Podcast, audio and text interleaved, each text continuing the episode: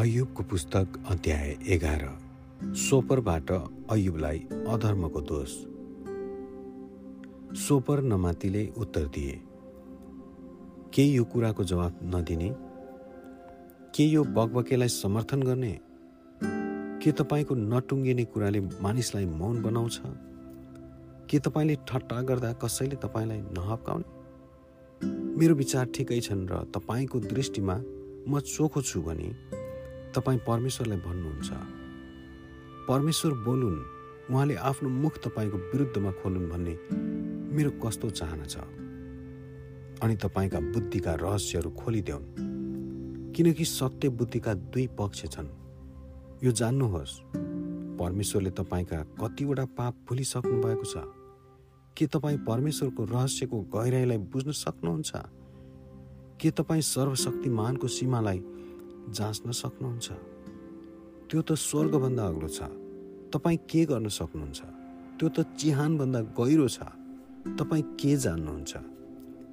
त्यसको नाप पृथ्वीभन्दा लामो छ र समुद्रभन्दा चौडा छ।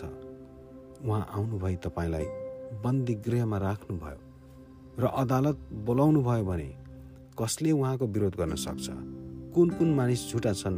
उहाँले निश्चय जान्नुहुन्छ। अनि उहाँले अधर्म देख्नुभयो भने के उहाँले त्यसको लेखा राख्नुहुन्न? तर मूर्ख मानिस बुद्धिमान हुन सक्दैन। जसरी वनगताको बछेडा मान्छे भएर जन्मन सक्दैन।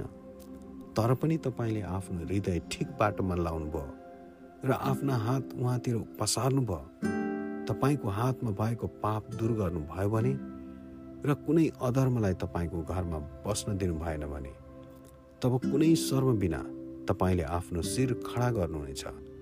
तपाईँ डर बिना स्थिर मानिस हुनुहुनेछ। तब तपाईँले आफ्नो दुःख बिर्सनुहुनेछ। बगेर गएको पानी झैँ त्यो तपाईँले सम्झनुहुनेछ। जीवन मध्य दिनभन्दा उज्यालो हुनेछ र अन्धकार चाहिँ बिहानमा परिवर्तन हुनेछ। आशा भएको हुनाले तपाईँ सुरक्षित हुनुहुनेछ।